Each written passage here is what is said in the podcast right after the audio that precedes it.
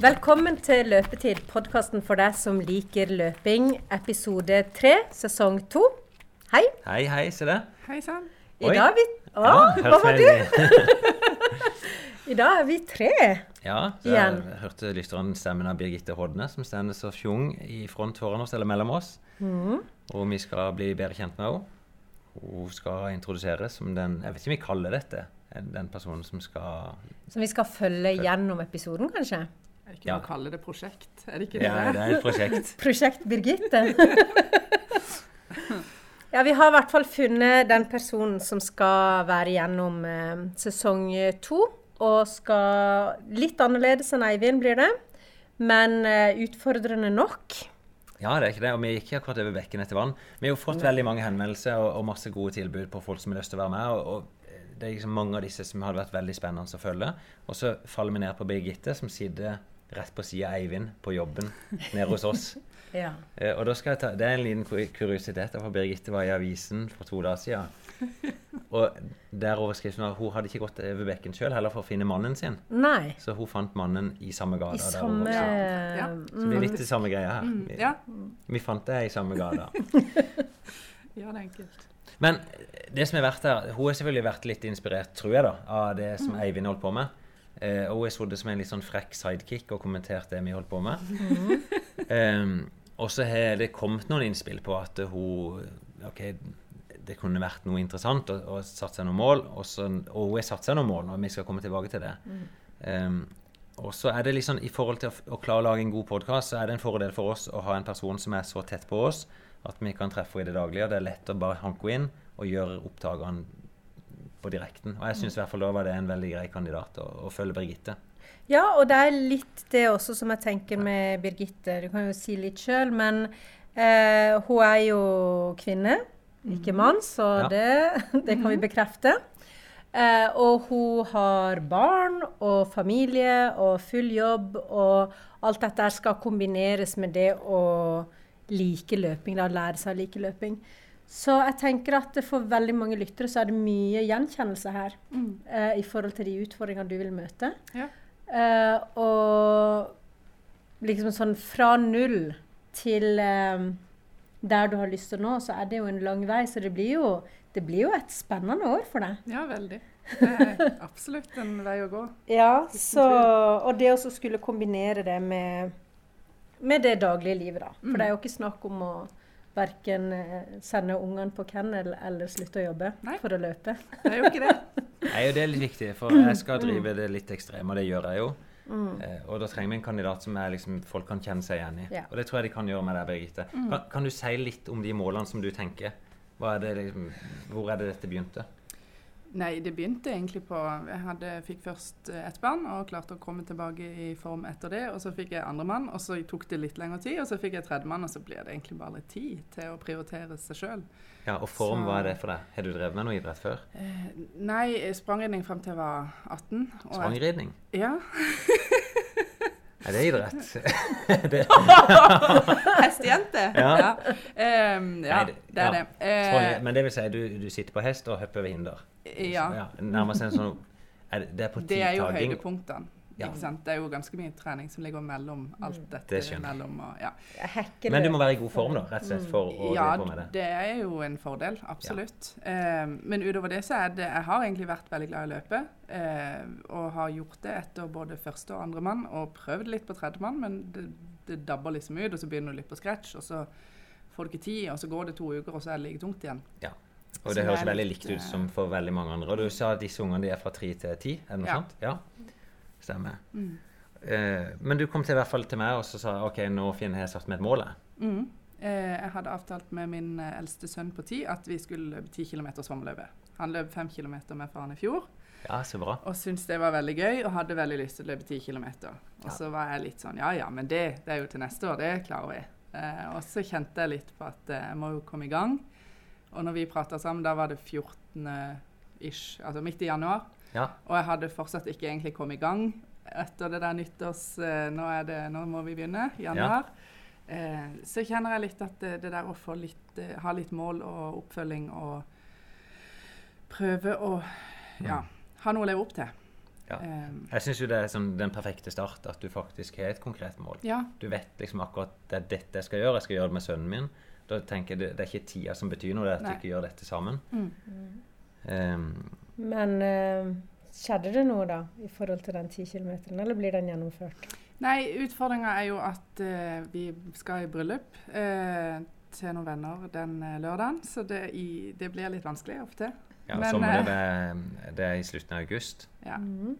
Men det er ikke noe krise. Nei da, og det for, tenker jeg i forhold til eldstemann også, så skal vi alltids finne noe annet vi kan eh, være med på som Mm. er gøy for han. Eh, så Ja, for det, vi hadde snakka litt om det her, for vi finner noe annet. Og når jeg råder folk når de setter seg et mål, så er det liksom prøv å gjøre det litt stort. At Mm. det, det endelige målpunktet ditt bør være en happening som òg gjør at når du er ferdig der, så er det sånn Oi, dette var virkelig gøy. Og sommerløpet sånn sett kunne vært det. Um, det vi snakka om i stad, var kanskje også å tenke en måned fram til Oslo. Der de har Oslo Maraton, som er det største løpet i Oslo, nei, i Norge.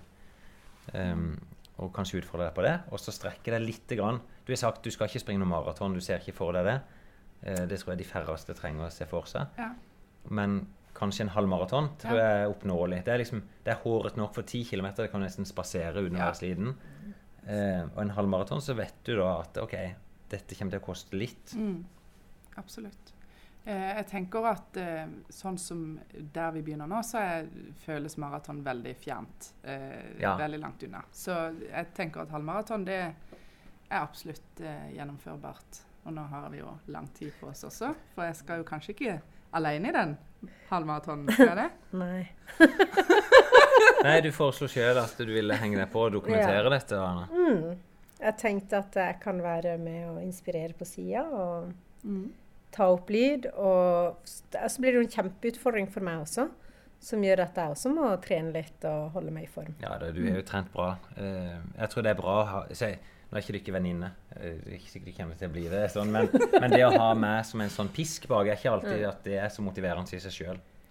Det kan jeg fortelle litt om etterpå, for det kjente jeg på når jeg gikk skiløp nå sist. Der det var en i reisefølget mitt som er bedre enn meg, som bare var der for turen sin skyld, og, og er med meg underveis. Så etter hvert blir det sånn Nei, nå kan du bare gå. Nå vil jeg være for meg sjøl. Og det, er liksom eh, Ikke ta med deg mannen din, som er mye bedre enn deg, for å motivere deg gjennom et løp. Nei.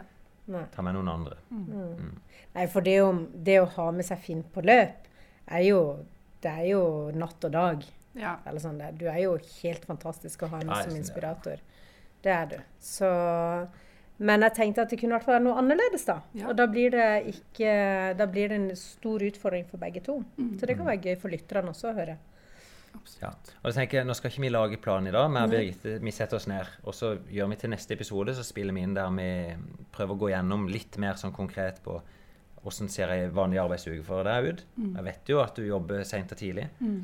Eh, hvordan er hverdagen med unge? Er det forpliktelse der? Hvordan bygger vi opp liksom en plan fram mot noe sånt? Og, og vi begynner jo i det små, så det, det er jo viktig. Ja. Men det tar vi en egen episode. Ja. Så nå er det mer sånn bare å få introdusert det. Eh, nå filmer jeg bare lite grann, sånn at eh, det legger jeg ut Mm. på Facebook, så folk kan se hvordan du ser ut. Um, men en annen ting også er jo litt det der eh, som jeg tenker er en fin måte å komme i gang på, eh, som jeg husker fra Eivind når jeg, han Ja. begynte. Det, jeg liker den tanken om at du skal heller begynne veldig forsiktig og gå derfra med en god følelse istedenfor å ta deg veldig Ja. ut hver gang. Så det er en fin mentalitet som jeg Ja. har litt tro på. Der du er heldig, da du har den fra, med deg fra før. Eivind hadde jo ikke den. Nei, det er jo akkurat det. han kom jo fra motsatt, at det var bedre liksom, når du først trener, så gønner han på. Mm. Men da gjorde han det så hardt at han orka ikke neste økt. Nei, men sånn er jo jeg også litt, egentlig, av natur. Jeg er nok litt lik Eivind på mange ting, men, eh, men det er noe med at jeg ser jo at det ikke går. Det er, jo, det er jo derfor man ikke orker å fortsette. For når jeg først får tid til å trene, så skal du gå all in, og så ta, går du gjerne litt for langt, Mm. og så tar det mye lengre tid å finne gleden i det. Ja. Men neste gang folk hører stemmen din, så sitter vi der og planlegger og prøver å gå gjennom akkurat hvordan vi skal legge opp starten. Mm. Og det er jo der vi begynner. Vi vet målet, Mm. og så må vi nok finne ut hvor du er. Ja.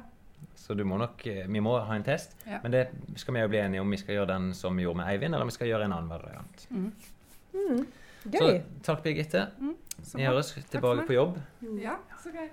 Sist episode så var vi jo i Kenya, og Ja. nå er vi tilbake igjen til gråe, kalde Norge, Kristiansand. Eh, du var en tur i NRK Sørlandet og snakka om Kenya-oppholdet Ja, ditt. det, det stemmer. Mm. Ja, jeg har jo skjønt det, Jeg syns det er veldig hyggelig at folk er interessert. At uh, de har oppsøkt meg fra radioen her, og jeg snakka litt om åssen det var. Ehm, jeg vet ikke hva som fenger mest for folk, om det er det ekstreme, eller det at en følger drømmen sin og gjør det. Ehm, eller liksom høre hva er det de beste gjør, eller åssen får folk dette til å gå. Jeg vet ikke, men folk liker i hvert fall å høre om noe annerledes, da.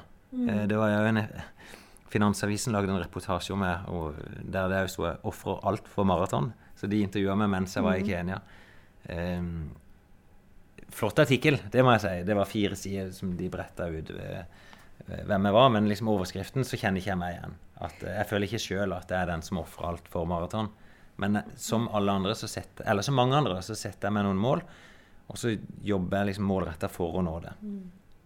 Ja, for det, det var, jeg syns også til og med liksom at eh, Jeg føler ikke at du er Eller sånn, du ofrer ikke alt for maraton, men du har et enormt engasjement for løping generelt. Ja, På alle nivåer. Og eh, litt sånn at du ønsker å gå i kjernen, kanskje. På hva er det som gjør deg best? Hva er det som Ja. kan forbedres? Hvordan kan du motivere folk fra sofa til første Ja da, det, og det brenner jeg liksom? nok for. Det kan jeg kjenne på Ja. Eh, ikke bare løping nødvendigvis, men òg litt sånn trekkes mot ski og sånt, som jeg var med på nå. Um, og da er jeg opptatt av i hvert fall formidle hva er, det, hva er det som er viktig, sånn at ikke folk bruker tida på det, alt som er tull rundt. Og det er jo litt av det vi bruker tida på i podkasten her òg. og det, jeg blir jo konfrontert Eller det er kanskje meg som konfronterer folk når jeg sier 'Hvorfor sitter du nå med den drikkeflaska?' Så sier de ja, men eh, skal si du har sterke meninger, og dette er kontroversielt, så kan jeg si ja, men når de beste ikke gjør det, hvorfor må du gjøre det? Så. Jeg føler i hvert fall sjøl at eh, med å, å gjøre sånne ekstreme ting og oppsøke de beste miljøene, så er i hvert fall jeg får med meg kompetanse til å kunne være bastant. Og si at jeg ser faktisk det de beste gjør, av dette. Og det er, jeg merker det sjøl også, at den måten du tenker på Når man har Jeg tror veldig mange sitter med drikkeflasker eller har med seg gelen og energibaren pga. usikkerhet. Fordi du ikke vet Ja, helt hva, hvordan kroppen reagerer, hva, hva det vil si å gå tom. Så når man vet at Ja. jeg ikke trenger det, kroppen trenger faktisk ikke dette, eller dette er ikke farlig, Ja. så yter man mye, mye mer. Ja og det er sant. Det er et godt poeng. Eh, Så, sånn sett er vi i hvert fall med på å spre god kompetanse her. Det håper jeg at jeg kan gjøre.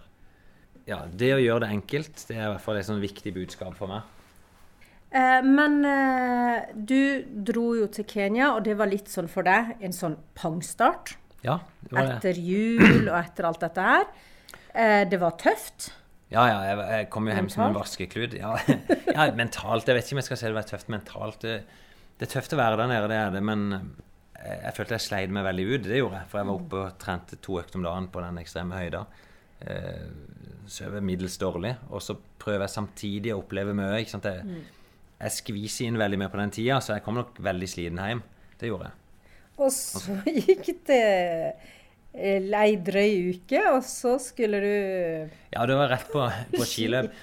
Ja, det var ikke noe sånn optimalt for um, Marcialonga. Vi, vi hadde bestilt den turen, det, og dette er i forbindelse med jobb, så har vi invitert noen kunder og samarbeidspartnere på tur. Eh, selvfølgelig et kjempepositivt tiltak, eh, men det innebærer jo at jeg måtte gå disse 70 km på ski sjøl. Og da, da dukker jo dette konkurranseinstinktet fram. Vi var elleve stykker der nede, der ti skulle gå dette løpet. Um, og jeg har jo lyst til å gjøre det bra, forholdsvis i forhold til de andre som var med. da. Eh, og jeg trener jo litt sammen med Joakim, som vi møtte, en som heter Morten. Der um, en vet nivået på hverandre til vanlig. Så det ble en sånn hasteoppkjøring på ski. Da Så jeg, da reiste jeg opp på hytta nærmest rett etter jeg kom fra Kenya. Og var tre dager på hytta og gikk en del på ski. Og så en stagemaskin i garasjen som jeg fikk brukt to dager til. Og så rett ned til Italia og gikk eh, ja, syv mils daging på ski. Og det er brutalt. Det er brutalt. Så det var, det ble, for min del det blir Jeg kan si Når jeg har trent så lite på ski, så klarer du ikke å hente ut alt. Um, og det er, liksom, det er så spesifikt muskulært. da, ikke sant, Staging på ski. da, Du stender rett opp og ned bruker Du kan på et vis enkelt si armene, men du bruker òg mage og rygg. Det er liksom, Du skal fram med hofta. Det er mange av de samme prinsippene som på løping. Du er frem, altså du er høyt og strakt oppe, fram med hofta, og så må du være sterk og stabil for å kunne liksom stå gjennom det trykket som kommer når du setter ned stavene. Mm. Og når ikke du er sterk nok, da, så blir du jo gelé i dette her systemet veldig fort. Det er et veldig dumt spørsmål. Jeg er jo ikke noen skiløper. Men hvorfor måtte du stake gjennom hele løypa? Det som, eh, den løypa da, den gjenger Det er ca. to mil opp en dal. Altså, og da, da er det, beveger du ca. 250 høydemeter opp. Så snur du, og så er det seks mil nedover dalen. Eh, det er noen små oppoverbakker, men eh, da er det nesten bare staging som gjelder. Du, du, det er for stor fart til at du får brukt noe fraspark. Eh, og så et, når du holder på så lenge, så slides jo smøring, og da er det vanskelig å få feste på båndet likevel. Så da blir det en sånn avveining. ikke sant? At da, da du med, Noen velger det, da, å gå med helt blanke ski. Da glir du jo veldig godt. Så du tjener på de seks milene Nei, ikke seks mil, fem mil på vei ned, så, så glir du bedre enn de fleste andre, da. Men du må betale i oppforbakkene, for da er det bare staging som gjelder. Ja. Og når, du, når det er 2,5 km igjen, så skal du opp i mållandsbyen. Og da skal du ta 250 høydemeter på 2,5 km. Og det, oppfatt, det er nesten rett opp, føler du. Ja. Da er det drøyt å stage. ja, da har du ikke noe mer igjen. Da er du jo tom. Nei, jeg hadde ikke det. Jeg møtte Terje Langli, gamle verdensmesteren på ski. Jeg kjenner han litt eh, privat. Så han traff jeg på midt oppi bakken, og han hadde jo klister under skiene på vei opp der. Ja. Og han hilser fint og sier ja, god teknikk, Finn, eh, men prøv å komme deg enda høyere opp og lenger fram med armene. Og det kan jeg si, det, det gikk ikke. Da, eh, men jeg kom meg opp, da. Ja. Og så blir det det blir som en seier. liksom, Du har fullført Marcialonga. Jeg ble kanskje nummer 600 av de 7500 som blir med. Ja. Så Det er jo bra. ja, kjempebra. eh, Og, og gjorde det som jeg hadde håpet. da. Ja. Og det viktigste var strålende vær. Kommer inn i mål klokka tolv på formiddagen. Det er sol. Og det er tusenvis av mennesker som feirer liksom målgang. Og vi tok i mål de andre løperne og har det gøy sammen.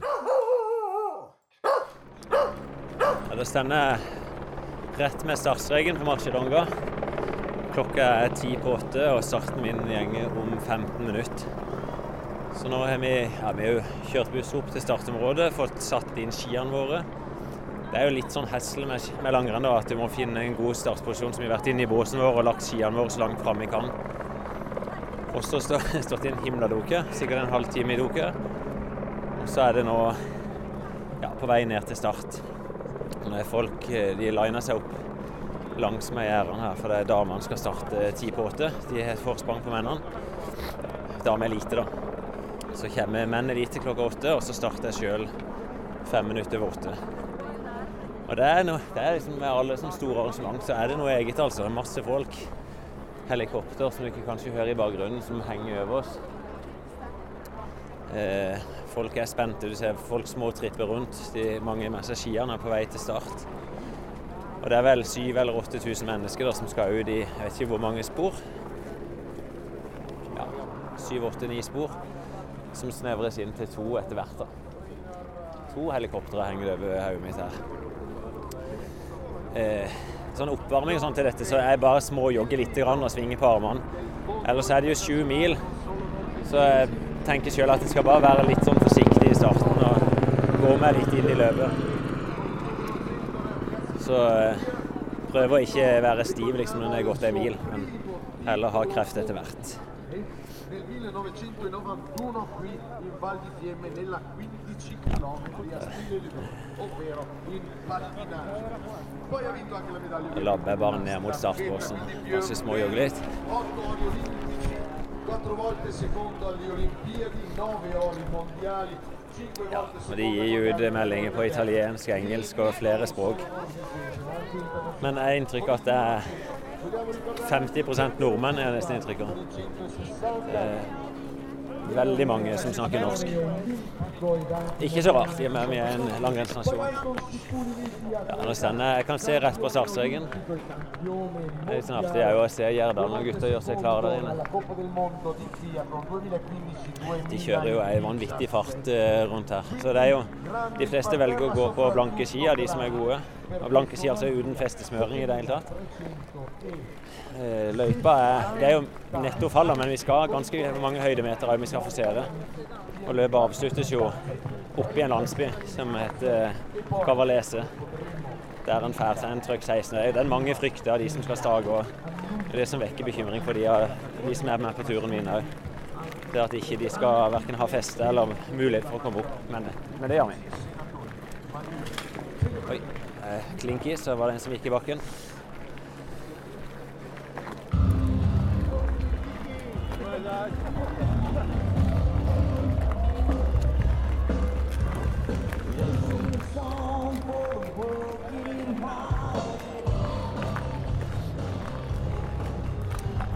Jeg er ikke noe spesielt nervøs, men litt sånn spent jeg kjenner på at jeg skal konkurrere. Men på så lange løp, så jeg prøver liksom ikke å gire meg for mye opp. Jeg har ikke lyst til å spurte ut, så jeg liksom prøver å holde roen nå fram til start. Gjøre rasjonelle ting. Jeg springer ikke og vaser rundt, men bare varme opp. Jeg vet jeg skal stå i kondomdressen om åtte-ni minutter nå. Og det er ikke noe mer enn det. Så jeg får ønske meg sjøl lykke til, og så høres vi på andre sida.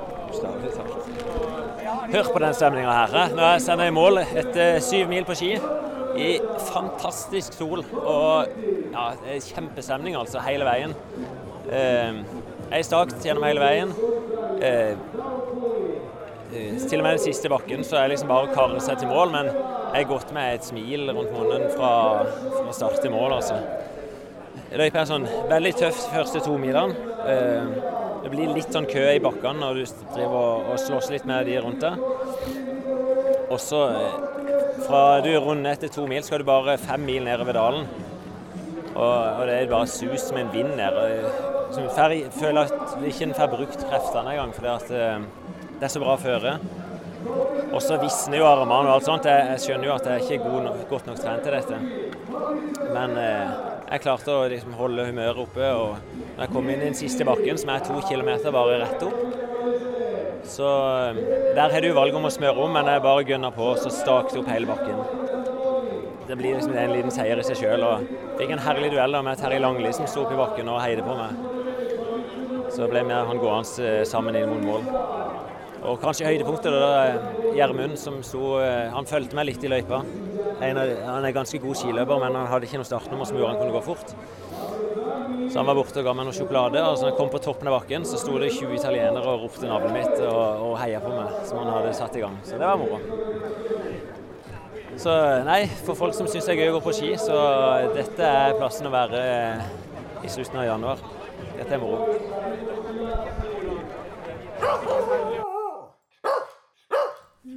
Vi, jeg vet ikke om jeg har fått noe spørsmål om det, men, men det med langrennstrening og løping, om det er en vanskelig kombo um, jeg, jeg pleier jo alltid å si du blir god på det du trener på. Og, og akkurat der, der har jeg en sånn liten tvist med langrenn som gjør det litt vanskelig. For det fins noen erfaringer på at eh, de som trener med langrenn, altså som kombinerer langrenn og løping, gjør det tilsynelatende bra på løpinga òg. Jeg erfarte jo det sjøl i fjor. Da- satsa jeg litt langrenn. Og kom ut på sentrumsløpet som er i slutten av april, og satte pers på 10 km. Og Ja, sprang for- på 33 minutter. Nå når du sier det, så husker jeg vi hadde jo med han eh, broren til Eivind, som Ja. er lege. Er ikke han sånn som kombinerer begge deler? Nei, han, han er først og fremst skiløper. Og oh, ja, så sier i mangel på at det ikke er ski på sommeren, så springer han litt på sommeren. Ja. Ja. Men, men det er nok sånn, jeg tror du kan si at de som satser på ski, de blir ikke nødvendigvis så gode løpere. Men hvis du satser løping og bruker ski i tillegg, så ser det ut til å være et veldig godt supplement. Og nå er det, det er to ting. Det ene er at det er lett å få lagt ned mange timer på ski. Så når du først velger å spenne på deg skiene, så er du typisk ute da i to og tre timer. Og så aktiviteten i seg sjøl. Da bruker du hele kroppen, så du får litt gratis styrketrening. Og så er det lettere da å komme opp i høy puls. For du går i variert terreng, så det blir nærmest en sånn naturlig intervall eller naturlig fartslegg når du går på ski. Og det hever kapasiteten din. Så det er, liksom, det er god hjertetrening, styrketrening, kondisjonstrening. Og eh, vet ikke om vi snakka om Det er et blad som heter Kondis. Eh, de er jo eh, nettsider, kondis.no.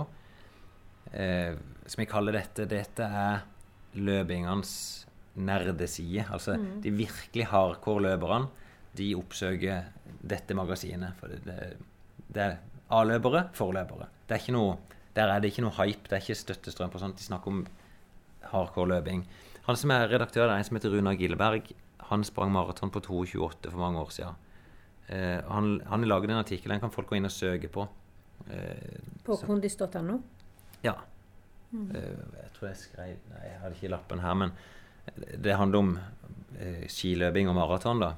Eh, og nå blir jo dette et miniforsøk, men han, han trente bra. da Han sprang ca. 16 mil i uka eh, den sesongen og sprang London Marathon på 2.29,56. Som er ei fantastisk god tid. Det er sånn subelite-tid. Eh, neste år så satsa han Altså, han gikk mye på ski, så da erstatta han halvparten av løpinga med skigåing. Så han fortsatt så sprang han 16 mil i uka, men halvparten det var langrennsløping. Når han kom til London Marathon, som er i april, så sprang han på 2.29,56. Akkurat samme tida. Samme år på tid. rad. Så det, i hvert fall for han, da, så opplevde han at det å bruke skitrening ga han den samme effekten som å løpe på vinteren. Og Derfor jeg sier til folk at det er kanskje ikke nødvendig å stresse ut på den blanke sørpa og isen. Da kan du kanskje heller gå på ski. Vi har jo ett tema til som vi tenkte at vi skulle ta opp, som er litt i samme bane med det med å gå på ski og ikke løpe ut i sørpa. Ja, Men vi fikk jo eh, eh, Børge Lunga Pedersen, som er lytter. ja, Han sendte oss en melding med at han bor i nord. Og hans utfordring det er at eh, han må ut og løpe i 15 minus, 10 minus, 20 minus. Han må Eh, ikke, men nei, han, vel, han velger. Hvis han vil ut og løpe, Ja. hvis han vil løpe ute der han bor, så er det ekstremt kaldt. Mm. Og vi har jo snakka før om det som, er, som jeg ser på som farlig med å skli på isen, og det å bli skada sånn når det er sånn sørlandsføre. Ja. Men her regner jeg med at det er noen andre utfordringer. Ja, ja, det, jeg- nå vet ikke akkurat hvor han bor. Jeg bodde i Nord-Norge sjøl. Jeg bodde både i Harstad og Indre Troms, i Bardufoss. Eh, og særlig Indre Troms så opplever jeg jo litt av det samme. Og har jo hatt mye med utøvere å gjøre. Eh, vi vet på, på langrenn så er det jo grenser for når de arrangerer skiløp og ikke. Og nå, nå har ikke jeg sjekka dette opp, men jeg mener at det ligger sånn mellom 15 og 20 minusgrader. Så, så dropper de å arrangere skiløp. For Eh, det ene er ikke sant, Du kan alltid kle deg, sånn at sånn fysisk sett så blir det ikke kaldt på kroppen. Men du puster jo inn den lufta, og den puster ned i lungene. Og lungene blir lett irriterte når det er kaldt. Og så er spørsmålet liksom, hvor er den der grensa for når ting er greit. Og jeg har lagd noen grenser for meg sjøl. Og jeg ser at hvis jeg kaller en minus ti, da dropper jeg intervalltrening. Ikke? Det, det er helt fine å springe når, rolig når det er kaldere, men eh, dropp de tøffe intervallene.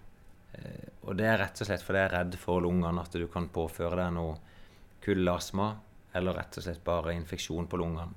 Eh, jeg sier til utvarene mine hvis de har ei tredemølle når det er kaldt, ta heller å gå inn på den. Eh, og det er greit. Og så, hvis jeg kaller en minus 20, da sier jeg ikke spring ut og belaste. Da dropper du det bare. Det syns i hvert fall jeg er sånn greie rettesnor å forholde seg til. Eh, så vil du oppleve noe annet når det blir mellom 10 og 20 minus. så vil du oppleve, For meg så føles det som alt går bare sakte. Ja, det det, blir kaldt og stivt. Eh, jeg tror Du klarer ikke pakke og polstre inn overalt. Og det å springe seg f.eks. med stive akilleser i en time, så tror jeg Men da tror jeg, da vet jeg ikke, men at det gjør deg mer skadeutsatt. Mm. Normalt så ser vi at skade heles bedre når det er varmt, og det motsatte skjer når det er kaldt. Typisk kalde knær blir lettere skada hvis du belaster det. Ja, men Så det var tenker jeg i hvert fall et, det, Da blir det et råd, jeg kan ikke si det bare sant, men ikke noe hard intervalltrening kaldere enn 10, og så ikke spring ute når det er kaldere enn minus 20. Det er sånn gode råd. Ja. Så kan du si det å gå en skitur med familien fordi om det er kaldt, det betyr jo ikke noe, men nå snakker vi trening. Ja. Ja. Uh, ja, og så når du sier kald akilles Ja. så har jo Jeg har jo en særdeles kald akilles. Jeg er så lei meg. Sist um, For to uker siden nå. Torsdag for to uker siden så gikk jeg til legen. ja. Eh, fordi jeg har hatt så vondt. Og da, da er det ikke sånn pinglevondt. Det er sånn at jeg våkner på natta med vondt i akillesen. Eh, Jeg tipper hvis du dunker borti ting det? veldig vondt. ja. Ikke sant? Bare det at jeg står nå. Jeg kjenner at det murrer. ja. Eh, og så har jeg jo jeg, Jeg kjente det jo faktisk før Svalandsgubben, dette her. Men jeg tenkte ja, ja, jeg bare later som ingenting og løper og løper og løper. Og løper. Og så har jeg holdt meg til to løpeøkter i uka og tre crossfit-timer i uka. Eh, Ja. og nå er det vondt. Ja. Så går jeg til legen, og så får jeg beskjed om ingen trening i 14 dager. Mm. Uh, og jeg hadde nettopp vært på min første skitur. Jeg, skulle, jeg hadde satt meg som mål å kanskje bli litt flink på ski. Ja. Eh, så ingen ski, ingen løping, ingen sykling, ingenting. Og Voltaren. Eh, og så sendte jeg melding til deg, og så sa du bare tull, du kan trene alternativt. ja. ja, det var litt mer enn at jeg sa bare tull, for jeg spurte deg jo undersøkte han det. Så sier du nei. Ikke sant? At, eh, for meg så høres det ut som en veldig sånn lettvint konklusjon. Du er vondt. Eh, så sier han bare da slutt å gjøre det. Her er det noen som skal dempe smerten, redusere så sånn betennelsesreaksjoner, og så komme tilbake senere. Er sånn, jeg gidder ikke bruke tid på det. Det er egentlig det han sier. Ja. Da blir jeg litt skuffa. Ikke sant? Eh, så sa jeg at eh, i hvert fall den kompetansen jeg har tilgang på, fysioterapeut som kan jobbe hos Olympiatoppen, så har de skrevet noen gode artikler om dette. Og akillesskade er komplisert. Det er ikke sånn at vondt i akilles er en, det er en diagnose. For det kan være rift i akilles. Det kan være eh, disse slimposene som er på sida. Rundt vevet så er det jeg kaller det glatte slimposer. De kan bli irritert. Eh, ja, og det kan være ja, altså, gjennom akillesen. Så det kan være flere ting. Så, så liksom minimum da kan man ikke i hvert fall enten undersøkt det eller sendt det videre til noen som kan sjekke det. Mm. Eksempel min vondt i akilles. Den var jo jeg hos min lege, som jeg kan berømme. ikke sant? Det er Marius Bakken, tidligere løper. Mer enn middels interessert. Han finner i hvert fall fram et ultralydapparat og kan si at eh, ok, det sier de slimposen din. Ja, ikke sant? da er det én av kanskje tre eller fire diagnoser. Da er det ikke farlig. Ikke sant? Da, og det gjør jo noe med meg. Så sier jeg OK, eh, jeg kan ha smerte, men jeg vet at ikke det blir verre. For det er litt Så- den jeg er ute etter. Ja, ikke for det, nå er jeg redd for å belaste. For jeg, jeg trente sånn som du sa, opp og ned. Ja, men hør nå. ikke Ja. sant? Så er det De ulike diagnosene de krever forskjellig behandling. da. Der er du På noen skader så kan du sette kortisonsprøyte. Så er case close, er det løst. Eh, på noen av akillesskadene så kan du ta styrke, altså tåhev, og eksentrisk trening, som det er masse erfaring med. Eh, og det funker. Og så en annen type, så hvis du bruker eksentrisk tåhev og trening, så kan det bli verre. Men du må vite hva det er. Så, så det er jo litt det, ikke sant, at eh, du sitter med en lege som sier 'jeg gidder ikke sjekke det egentlig helt ordentlig', bare hold deg i ro. Og så har du noe kunnskap som sier at hvis det er de rette diagnosene, så kan du gjøre noe med dette sjøl veldig enkelt. Og så, ikke sant, når du sier 'ja, jeg gjør disse tåhevene', men jeg vet ikke om det sto i artikkelen, hva kan du forvente når du begynner å gjøre tåhev? Jo, nei, det det sto, det var jo at man skulle Det var to måter å trene tåhev på. Den ene var at du skulle gjøre det to ganger om dagen. Ja. Eh, og den andre var at du skulle gjøre det med vekt, med motstand, tre ganger i uka. Eh, Ja. Så jeg gikk for den to ganger om dagen for å begynne med. Ja, og da har du stått i trapp, eller? Ja, eller jeg sto oppå en sånn steppkasse. Ja. Og gikk opp og ned, og så tre sekunder ned, tre sekunder opp. Ja. Eh, og ble kjempestøl. Ja, men det er ok. Men, men det, altså, det kan jo være litt av årsaken til skaden, at du er for svak i dette området.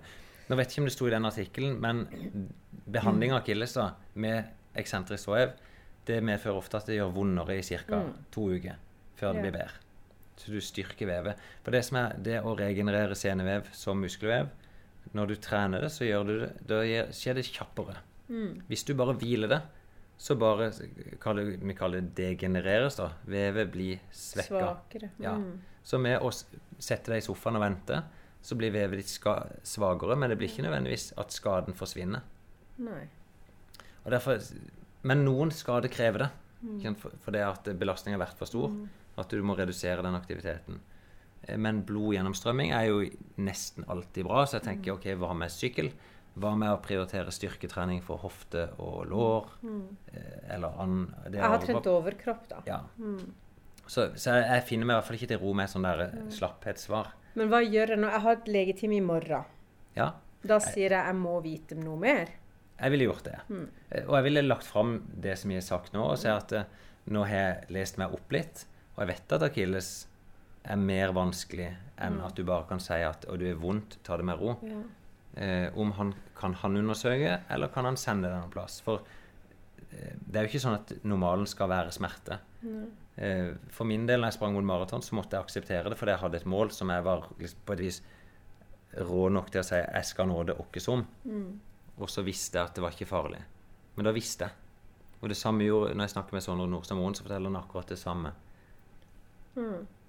Men Nei, for jeg Ja. tenker sånn at Hvis jeg får vite at eh, vet du noe, det gjør vondt, og det kommer til å gjøre vondt en stund, men tren, ja, så er det lettere å så akseptere. aksepterer jeg det, og så biter det jeg tennene sammen. Ja, for særlig min tilstand i høst når jeg drev og trente, så det var så vondt noen ganger at Og det blir sånn rar reaksjon at jeg begynner å le. Ikke sant? Jeg begynner å springe, og så jeg bare Jeg skjønner at det er jo helt absurd vondt. Eh, men så, så vet jeg OK, jeg må bare pushe meg gjennom det. Så er det liksom Hvordan skal jeg håndtere det? Jeg må bare liksom smile av det, og så, Ja.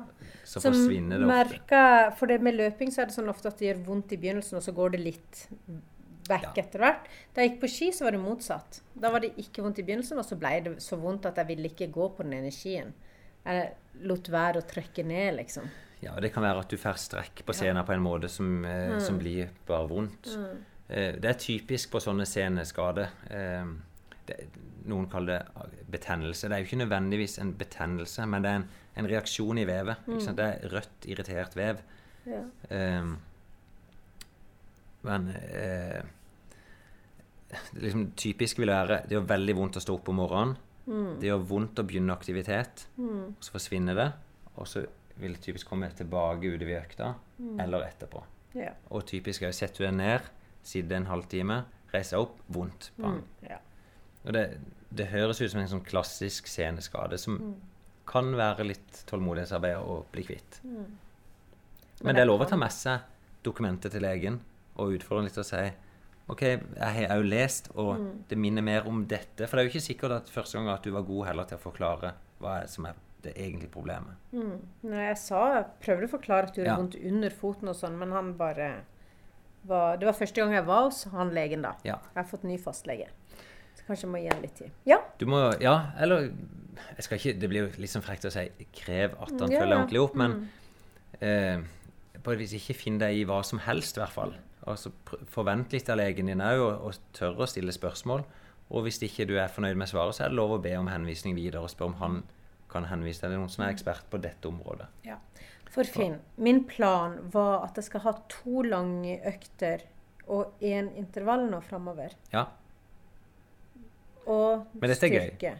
For, for ikke sant Nå vil jeg trene sånn.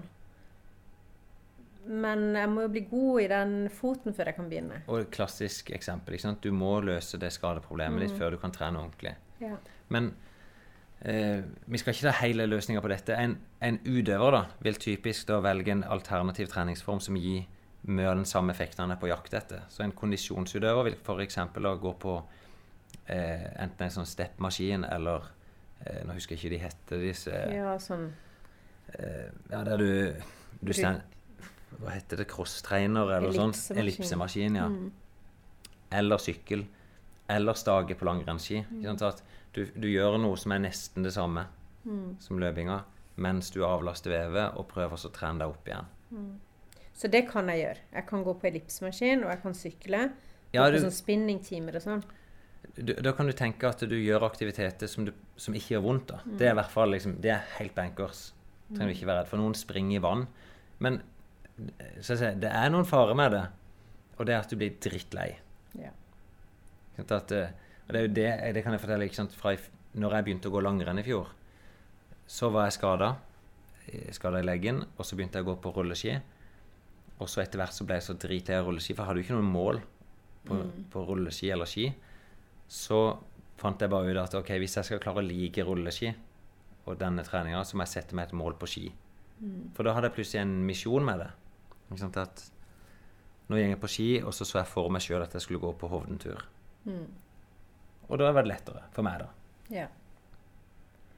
ja. Og da må du gå litt i deg sjøl for hva du vil. Du kan ikke bare si ja, men programmet mitt sier at jeg skal springe i dag, så da må jeg springe. Nei. Ja, det blir en utfordring. Men Men skade er vanskelig, og skade Mm. spiser motivasjon. Og det er jo, kan du si, skade er det som gjør at folk slutter mm. sant? og dropper ut. Ja, men det er jo ikke aktuelt for meg, da. Så du er et godt eksempel akkurat nå. Ja. ja jeg, jeg skader meg for podkasten. ja, men eh, begynner vi å nærme oss eh, slutten for eh, i dag? Jeg syns det. Ja. Jeg skal sette meg ned med Birgitte, og så begynner vi å spisse den planen. Mhm.